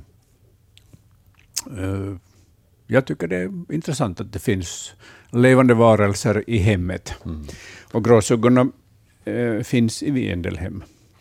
Så att, eh, gråsuggor är det här. Ja. Och ett- sätt som man kan vad ska vi säga, bekämpa det med, så är väl helt enkelt att städa bort dem i något skede. Så Ja, har man ja. kanske då städa bort samtliga. Ja, Att desto mera gifter eller liknande Nej, så är nej. ingenting att rekommendera. Jag skulle säga normal städning, så, så då håller man eh, sådana här, sån här gråsuggor och andra eh, för en del ovälkomna gäster borta Ja. i, i lämpligt antal. Mm. Men i övrigt så, så städa dem undan biologiskt material Ja, som de, hittar de, då. de, plockar, de äter allt möjligt sådant som, som vi eh, inte skulle alls tänka, sig, tänka oss att kunna äta. Så det, de, de hör till sådana nedbrytare som, som gör ett mycket viktigt jobb, speciellt ute i naturen. Ja. Det är ju vissa gånger som man tycker att det skulle vara behändigt om de skulle vara lite större och dessutom kunna vika strumpor och skjortor och sånt, så då, då skulle de vara mer än välkomna. Ja. Mm. Men, eh, men ja, det, man, man måste välja helt enkelt själv hur man vill. Jo. Om man vill ha gråsuggorna att följa med eller, eller om man vill att de ska vara någon annanstans. Så I så fall så städar man undan dem helt enkelt. Ja. Men tack Kristina för frågan. Ja, vi har ett till samtal som väntar på tråden. Vi kan ta det faktiskt eh, och eh, säga god förmiddag. Vem är det som hör av sig? Hallå, Ja, hallå? det här är Ulf Melin i Ekenäs. Hej Ulf, jag undrar... Hör Eh, du? ja, skulle du kunna sänka... Skulle du kunna sänka den, ja, så... Skulle... Det är roligt att höra sin egen röst så det är med fördröjning ibland, men, men det är enklare att höra dig. Jag, jag, jag älskar Östersjön. Det är mitt hav. Det var mitt hav. Ja, Nu kan man inte simma i havet för man får massa grönalger på sig och blåstång. Det finns inget tångkoj i skären. ja. Och skarven, det där, det där, att det är så mycket skarv beror på att vattnet är så jävla mycket, mycket, mycket alger i vattnet så det, det, det, det, det, det ökar skarvbeståndet på något sätt. Ja, skarven lever ju på fisk och det finns ju mycket fisk. Vad sa du? Skarven lever ju på fisk och det finns mycket Jo, jag vet, men fisk i att havet. det är så jävla mycket beror på att det, beror på att det är alger i havet. Eh, nej, det beror på att det finns mycket fisk i havet. Att det inte finns fisk. Att det finns fisk i havet. Jo, jag vet, men förr, förr, var, förr var skarven inget problem, men nu har det blivit ett jävla problem. Det, det, det ynglar av sig som fan. Ja, Det de, har, de har hittat eh, skärgårdsområden som är helt fria från andra skarvar, så de har ju hittat ett eh, ekologiskt utrymme som eh, de utnyttjar mycket effektivt och där de förökar sig. Alltså. Ja. Men hörru, kan man återställa Östersjön till dess nivå, dess, dess, dess, dess, dess glättighet och, stormar och skär, Eh, som det var 1960? Går det att få tillbaka Östersjön till 1960? Du tänkte på att vi skulle få Östersjön renare. Precis. Ja, hördu, det är nog möjligt och det är ju på gång och, och det finns ju vissa tecken som tyder på att, att det går åt det bättre hållet, men att människan har ju skitat ner Östersjön i 50 Du, vi vet, jag vet, jag vet. Och vet du 50 vad? hundra och det tar lika länge att, eh, att återställa det. Du, vet du, när jag var i armén så låg jag i flottan. Jag låg på med Sällsnabben. Ja. Och sommaren 1967 när vi kom tillbaka från världsuppsegling så, så gick vi på Östersjön. Ja. Och det där, när det var, när det, så gick vi ut på, på, på vet du det, internationellt vatten. Ja. Och där så, stod, så tog all jävla skit som fanns på båten kastade i sjön där. ja, tyvärr var det på det sättet på den Är tiden. det fortfarande så? Nej, nej, utan det finns, när det gäller havet och eh, eh, till exempel dumpning av eh, avfall och olja, spillolja, så, så finns det ju betydligt eh, bättre funktioner idag. Alltså man har internationellt kommit överens om att man får inte kasta avfall i havet, man får inte släppa ut spillolja i havet. Så i det avseendet har det blivit bättre. Mm. Det finns ju det, jag menar, vi, vi som är hederliga människor får lida för de förbannade förbrytarna som skiter i alla regler. Det är, det är individens frihet som gäller, liberalismen. Ja, vi, vi får helt enkelt hoppas att, att eh, samtliga drar sitt strå till stacken där. Det är ju för all del stora fartyg och liknande som kanske är de största bovarna, men även eh, fritidsbåtar och liknande som får helt enkelt fundera efter att var, var man tömmer, tömmer sopor, var man häller ut över relingen och, och liknande, så kanske vi kan tillsammans råda bot på det. Man kan få Björn Wahlroos med på det. Ja, vi får locka alla med. Ja. Japp. Hördu, tack Ulf för ditt samtal. Tack för samtalet. Ja, tack. Hej då. Hej då. Ja, vi skulle ju vara skönt ifall eh, Östersjön och övriga hav också för den delen skulle vara så pass rena så att vi inte kanske skulle dras med de här cyanobakterierna, Ja. blågröna algerna som de kallas i folkmun och, och, och liknande.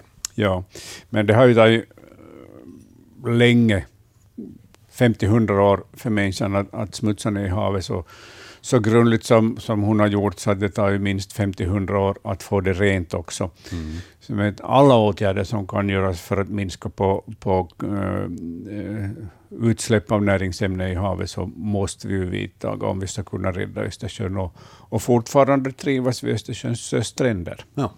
Men just det här som Ulf berättade om, om att man kastar avfall i havet och, och uh, spillolja, så det har ju varit ett stort problem i Östersjön som på andra ställen. Och, och, och uh, det fanns vissa zoner, dödens zon i Östersjön till exempel, där det var fritt fram att släppa ut spillolja. Ja. Och det gjorde man och det ledde till stor fågeldöd, framförallt bland övervintrande alfåglar och sånt där. Men, men sen har man ju kom överens om, om alltså internationellt, internationellt att det här gör vi något mera. Så att, eh, visst har det blivit bättre på det sättet. Ja, det, det är nog som om vi skulle ha vaknat upp de här senaste eh, tiotal åren. Säg då, tidigare kunde det vara nästan kutym att hade man problemavfall så då kunde man dumpa det i någon sjö, för att då var det ju liksom borta ur världen och Ja. sen så har man då fått gräva upp helt enkelt allting på nytt och försöka återställa naturen. Ja. Ja, Men, men det är klart att vi ska jobba för, för ett, ett renare hav. Och, och du och jag behöver mm, kanske inte få uppleva det, speciellt inte jag som är gammal, så får inte uppleva eh, ett rent hav, men, men kanske våra barn och barnbarn. Mm. Ja, det, det ska vara- vi sträva mot. kan vara ett gott arv att lämna efter sig, Ja. ett, ett så rent hav som bara möjligt. Ja, vi tackar Ulf för det samtalet i varje fall.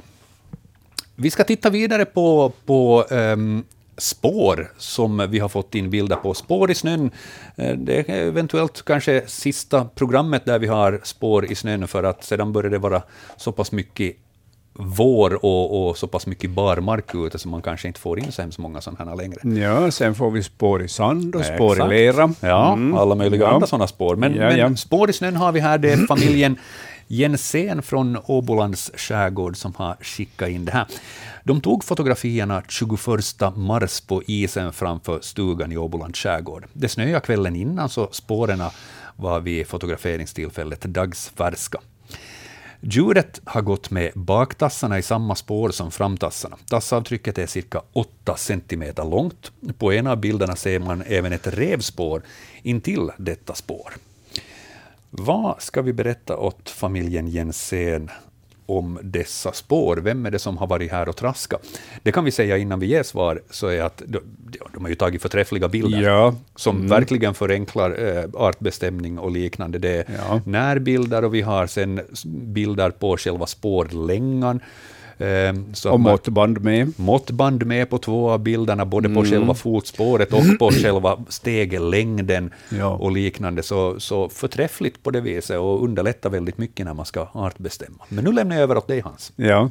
ja, jag tittar speciellt på den här tredje bilden där man ser spårlöparen som går ut, ut mot horisonten mellan, mellan holmar och, och eh, molnen driver in över skärgården. Det är fantastiskt, eh, en, en, en fantastisk landskapsbild på Ja, så, så som det brukar vara på vårvintern i skärgården. Ja. Men okej, vi kan titta på de här bilderna. Om vi tittar på den här eh, bilden längst till vänster, så ser vi att, att det är en, ett eh, stort eh, avtryck av en stor kattass. Det är alltså ett lodjur som har vandrat fram här. Och, och eh, den har de här runda formerna som är typiskt för, för lodjurets eh, tass och, och för tamkattens också, men tamkatten har ju små spår jämfört, eller små tassar jämfört med lod. Eh, måttbandet säger att, eh, att den här tassen är eh, 7 centimeter långt och en 5-6 centimeter brett. Eh, passar bra in på lohanne. Eh, en ensam lohanne som har vandrat här ute i skärgården.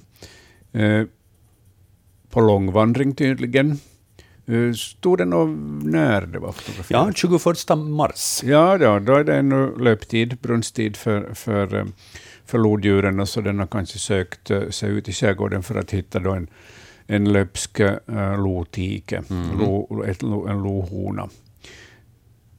Det här vackra pärlbandet av tassar som går ut, eh, ut i skärgården mot horisonten. Så, så det visar ju också hur lon går så där när den är ostörd, helt i lugn och ro med avmätta, avmätta steg. Och sen har vi ju då de här två spåren här längst eh, i fjärde bilden längst till höger där, där lon och reven eh, eller spåren av lo och rev ja. går bredvid varandra.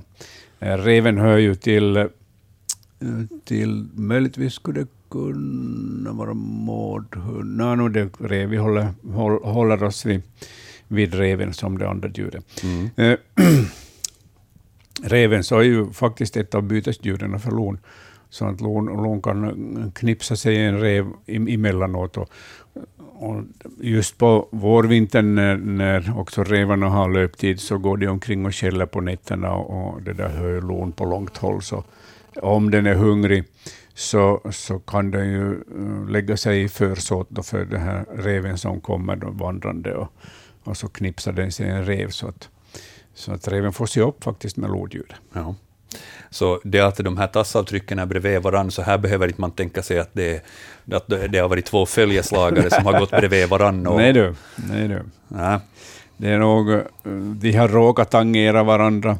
Det kan hända att reven har gått före och sen har lon sitt eh, de där spåren och gått där via då och sen fortsatt sin egen väg. Ja. Eller sen har reven kommit senare och vandrat ut i det här spåret och doftat på det och sen gått sin egen väg bort från mm. spåret. Lo och rev skulle inte komma överens, men finns det något annat djur som reven skulle kunna så lite mera följa för att eventuellt få sig en munsbit av det som lämnar kvar? Ja, de kan, de kan ju lära sig, eller de lär ju sig att, att till exempel bytesrester av lo och varg och björn, så där kan man få sig eh, vissa smakbitar om man är en försiktig räv. Eh, det är ju ett relativt... Ja, nu, nu finns det ju revar som har vant sig redan vid att, att hålla, hålla koll på, på vargarna till exempel, trots att då vargen tar revar också, både dödar och äter revar. Men, men de, de försiktiga revar som överlever då i ett vargrevir, så de lär ju sig att, att eh, vargarna regelbundet slår ett byte, vanligtvis då en, en älg eller en vitsvanshjort, och sen när vargarna har ätit färdigt så då kan reven smyga sig dit och äta. Så nog, eh, nog drar de nytta av, av, av de här bytesresterna som, som här, de stora rovdjuren lämnar efter sig. Mm. Men de får nog vara försiktiga. Ja. Ja, för trots att en rev kan vara ganska kvick, så mot en lo till exempel har den ingen chans. Inte på nära håll, nej. På, på, alltså på, läng, på lång, lite längre sträckor så, så där klarar sig reven, därför att lon är ju en sprinter. Den är inte någon långdistanslöpare. Den kan vandra långa vägar uh, otröttligt, men, men uh, när den jagar så är det bara fråga om några tiotal meter, den här själva jakten. Ja. Så den, den, den springer inte långt. Sen när den har misslyckats med, sitt, uh, med sin jakt, så då låter det vara. Ja. Lo är det som familjen Jensen ja. har, har sett som, eller spåren av i varje fall, mm. i Åbolands mm. skärgård. Mm. Tack för de vackra bilderna och jättebra fotograferat med måttband. Ja. Bild nummer 22 i bildbloggen så, så tangerar det här också, eller tangerar, det är ju eh, väldigt nära till hands att det är samma svar där. Men vi ska läsa frågan och så får vi helt enkelt vänta på svaret av experten. Det är nämligen eh, Eh, ska vi titta så att vi har rätt där. Det är Gunnevi som har hört av sig med följande fråga och följande bilder. Bild nummer 22 alltså i bildbloggen. Eh, näst sista snön föll i år 20-21 mars och eh, den här fyrfotingen hälsar på oss under natten. Han har vandrat på Dragsfjärden, insjö, längs vassen, kommit upp på land cirka åtta meter från vår stuga, vandrat över vårt berg och sen ner på isen igen. Men vem är det? Eh, Gunne, Gunnevi har alltså skickat två stycken bilder här på spår. Eh, den ena är en närbild av tassavtrycken och den andra så där ser man mera liksom det här eh, vad ska vi säga, steglängd och spårlängan och så har man människofötter där också som har gått bredvid så att man får lite storleksbestämmelser av dem också. Och de här tassavtrycken så påminner ju väldigt mycket om de som, som vi tittade på här i förra bilden. Ja, visst är det lodjur det här också, speciellt de här tassavtrycken till höger på den högra bilden, så där tassavtrycken syns närmare Så det är typiska eh, avtryck av lotas. Mm. Så här har den gått, eh, på den här vänsterbilden har den gått fram och tillbaka, så det är ju lite de delvis i varandra och på varandra. Men att, visst är det en lo som har vandrat här. Mm. Och om vi ska titta efter de här karaktäristiska dragen för ett loavtryck, det är Mm. att det är alltså ganska runda spår. Ja, ja, själva tassen är ganska rund. Eh, Det finns inga eh, avtryck av klo, Ja. klor som det finns i vargspår och revspår. Och, och sen eh, också de här trampdynorna ganska runda. Mm. Så det är ett runt intryck hela vägen. Ja. Och med tanke på storleken då Ja. eh, också så är det lätt att på det viset artbestämma Visst. att det här rör sig om lo. Mm. Eh, Vi hade en eh, till spårfråga som dessutom kommer med ett ljudklipp också. Det här var lite intressant. Eh, Ska vi titta så att vi har rätt bild här. Som vi har... ja, Jag tappade bort den i vår bildblogg. Där tyckte jag mig se den. Det är sista bilden i bildbloggen, bild nummer 26, som vi ska Mm. titta på. Och eh, som sagt, det här eh, frågan så kommer också med, med ett, ett ljud. Eh, och eh, det där ljudet så var lite svårt att, att tyda på det viset, men, men vi ska göra ett försök. Men om vi läser frågan först. Här är det alltså Cirko som har skickat in det här. Hon skriver så här. Vi har en viltkamera på stugan och förra veckan hade kamerans mikrofon registrerat ett skall. Mycket tydligt skällande klockan 4.30 på morgonen. Det finns inga andra stugor nära och definitivt inga hundar i närheten som skäller på natten. Jag lyssnade på nätet på reven, mårdhunden och grävlingen, men ingen av dem lät som djuret vi har på band.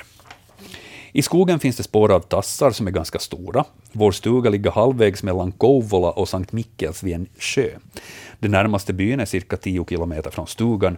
Inga stuggrannar på vintrarna, definitivt inte heller några hundar som springer i skogen på nätterna. Bifogat här då alltså det bandade skallet från viltkameran. Eh, tyvärr inga bilder, varken film eller foton. Det är bara ljudet som har fastnat. Och bilderna från nätterna före skallet så visar en hare och kanske en rev.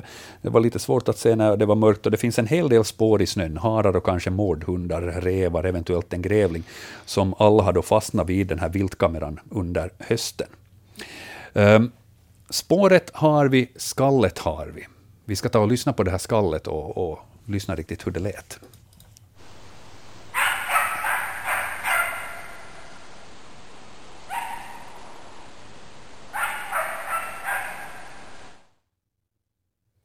Ett ganska kort ljud på det viset. Um, svårt att definiera det där. Ja, no, reven är inte. Reven har mycket hesare skall. Skulle jag säga nog. Ja. Mm. Det passar in på hund förstås. Mm.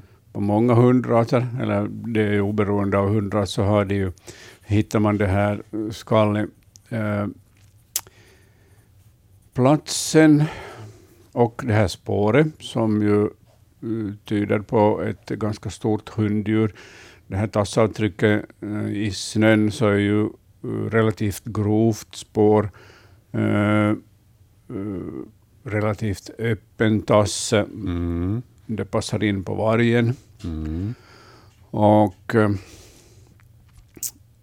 nu, nu vet jag inte riktigt hur, hur varg kan skälla, men eh, jag kan tänka mig att vargen kan skälla som en hund. Hund och varg är ju nära släkt med varandra och, och kan ju korsa sig sinsemellan. Men tyvärr så har jag inte hört skällande varg, bara tjutande varg och, och, och sen varningsskällande varg, och det är ju helt ett annat läte än det här.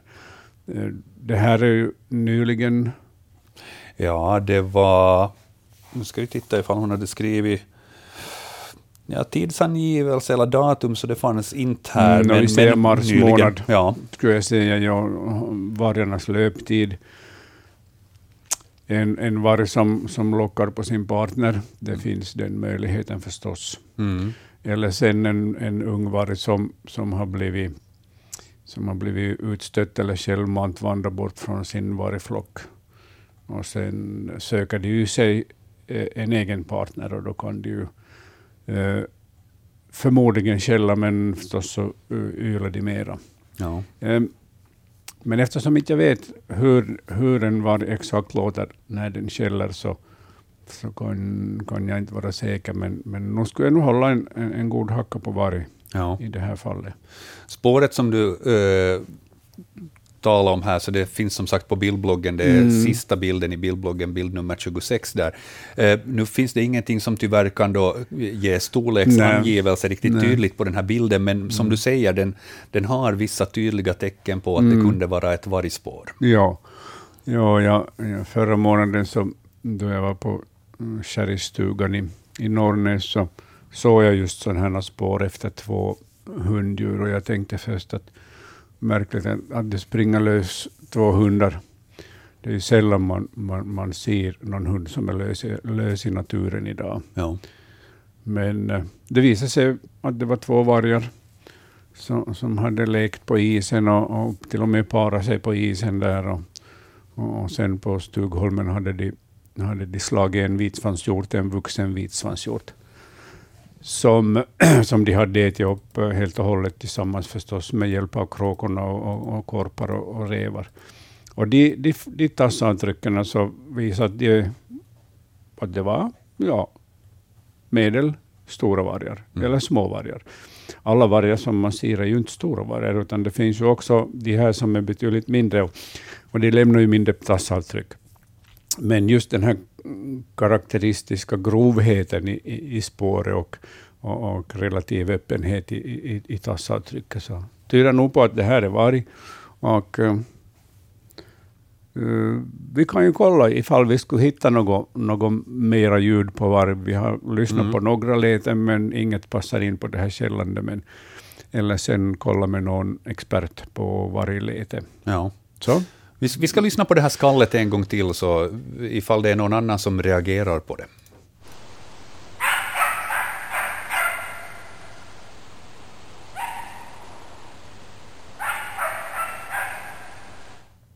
Ja. Mm. Eh, Just eh, tidpunkten också, var det 4.30 på natten? 4.30 på natten. Men det är ju typiskt för vargen att vara i farten under natten också. Ja. Så att, så att eh, vi håller en god hacka på varg. Så gör vi. Mm. Svar där till cirka så där långt i varje fall. Och Ja. eventuellt om det är då någon som reagerar på att jo, det här ljudet är typiskt varg, så visst hör av er till exempel till natursnabelayle.fi. Men vi ska också jämföra det med andra bandupptagningar, så ska vi se ifall vi kommer närmare sanningen den vägen. Mm. Drygt 15 minuter i en timme har vi eh, och eh, det betyder att det är en kvart att besvara frågor här i Naturväktarna tillsammans med Hans Hesbacka. Eh, Vi tittar vidare i bildbloggen så kanske vi hinner beta av dem. Eh, Vi har här till exempel en fråga med puppor som har kommit in. Och eh, det är Svante i Hangö som skriver så här. Hej! Jag städar ur ett gammalt vedlider och några fanerskivor satt som hoplimmade och vägrade sära på sig utan milt våld. Då fann jag dessa rester av puppor, eh, väldigt platta.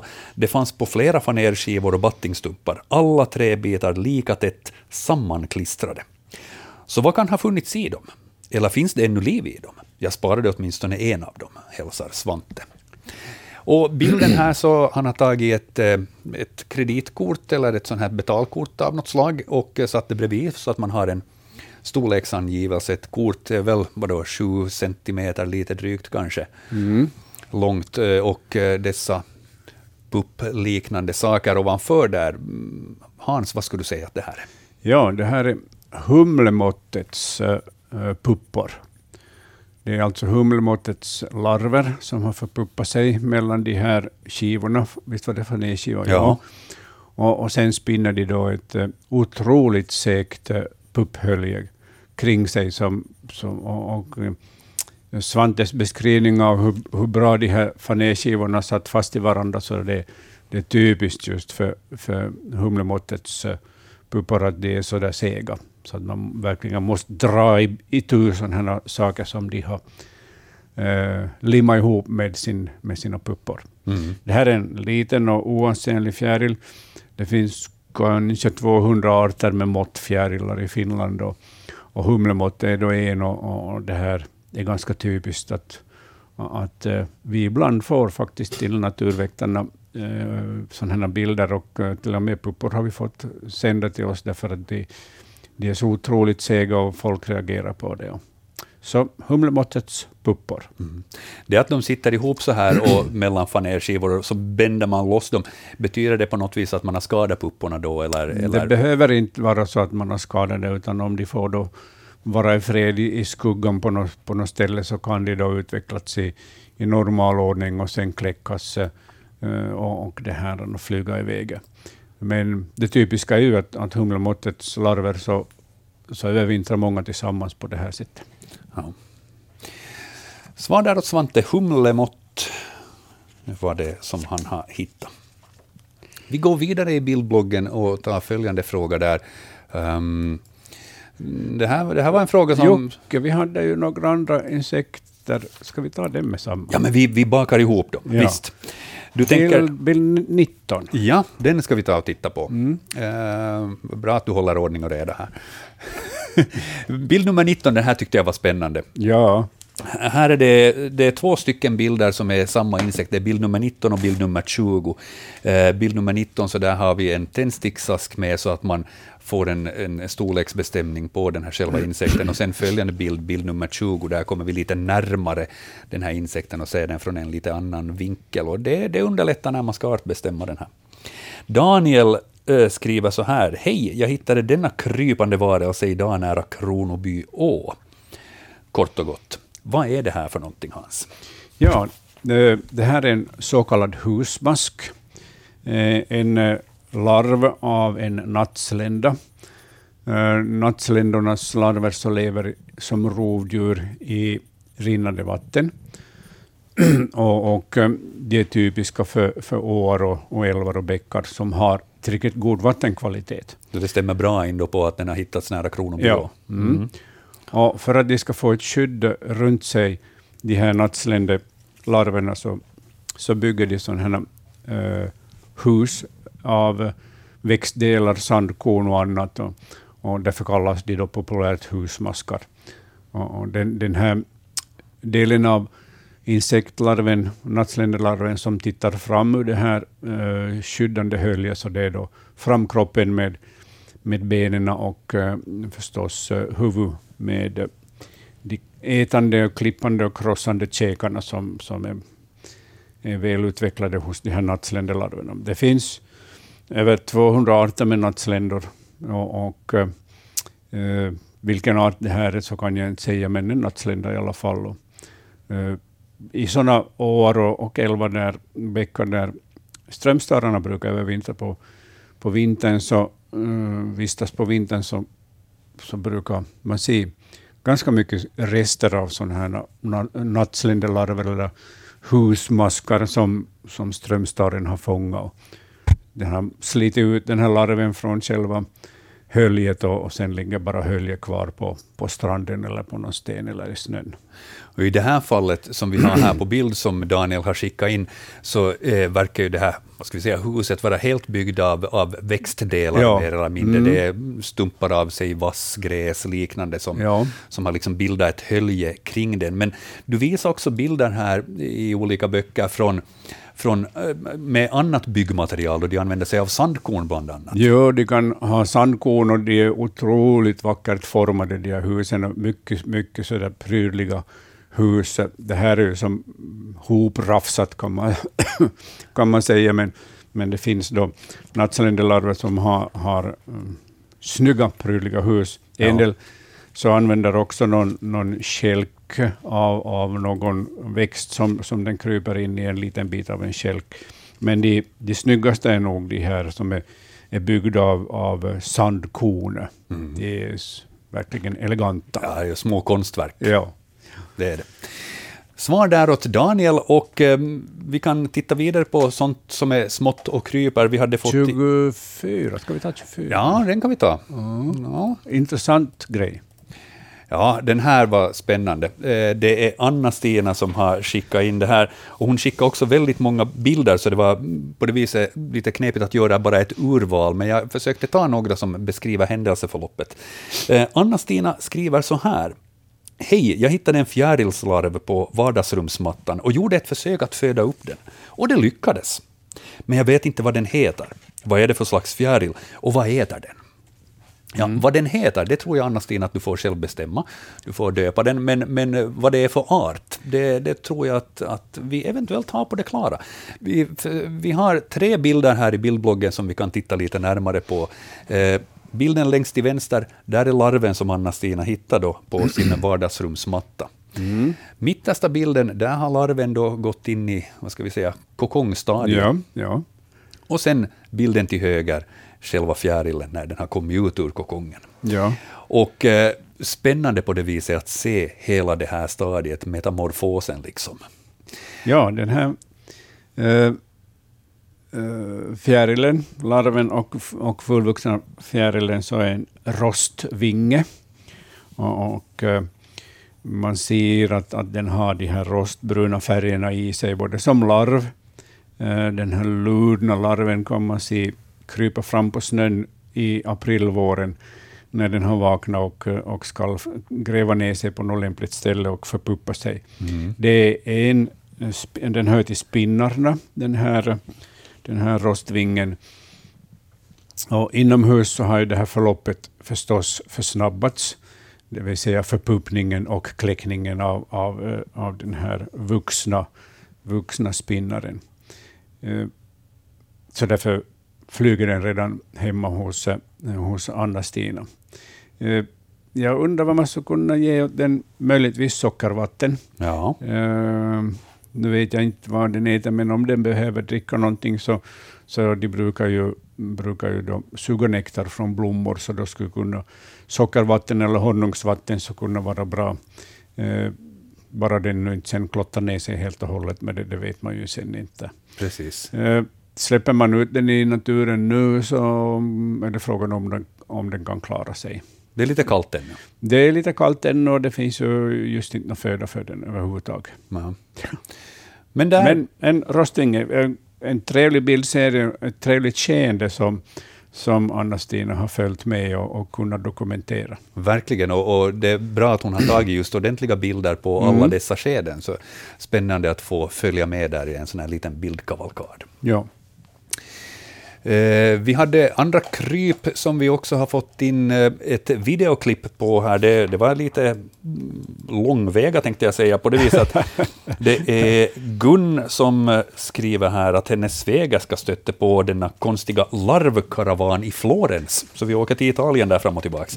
Vad är det frågan om? Och det som man kunde alltså se på videoklippet så är alltså, säg ett tiotal larver minst, som alla går i karavan efter varann. Det är den första som på något vis visar vägen och de andra följer med i exakt samma fotspår. Och många fotspår blir det med tanke på att det är små larver där. De, har, de, de, de tassar efter varann i en lång rad och, och följer helt enkelt den larven som går allra först. Och det här är sånt som vi har nämnt tidigare i Naturväktarna, åtminstone för något år sedan så kommer jag ihåg att det här nämndes. Eh, vad är det Hans vi ser exempel på här? ja processionsspinnare som eh, vandrar i procession, många larver tillsammans. Eh, Det här är ett sätt för larverna att hållas ihop och, och eh, hitta till nya födoställen förstås också. Och sen vi- vilka eh, processionsspinnare det rör sig om, det kan vara svårt att säga utgående Ja. från utseendet, men, men, men det är det som det handlar om i varje fall. Processionsspinnare som, som är ute och traskar. Och någonstans läste jag att det är speciellt riktigt unga larver som på det viset följer varandra så här i en karavan. Ja, Mer än det vet jag inte. inte heller. Men det är det som det handlar om. De är inte ute och larvar sig, utan det är, de, de, är, de, Ja. de följer varandra helt enkelt. Ja. Unga larver med processionsspinnare. Några frågor har vi ännu som vi borde försöka hinna med innan klockan slår tolv. Vi har fem minuter på oss. Vi hinner med någon i varje fall. Ehm, vi kan titta på Gregers bild som han har tagit här av trädstammar som, som har blivit skrapade av något eller någon. Han skriver så här. Hej, på en gran med en stamdiameter på knappt 15 centimeter hittade jag repor som ser ut som om någon skulle ha använt klor på stammen. Reporna finns mellan 1,7 och 0,8 meters höjd och repornas längd är mellan 30 och 60 centimeter. Reporna går som mest ett par millimeter in i barken, bredden cirka 1-2 millimeter. Vilket djur har åstadkommit det här, undrar Greger från Pargas.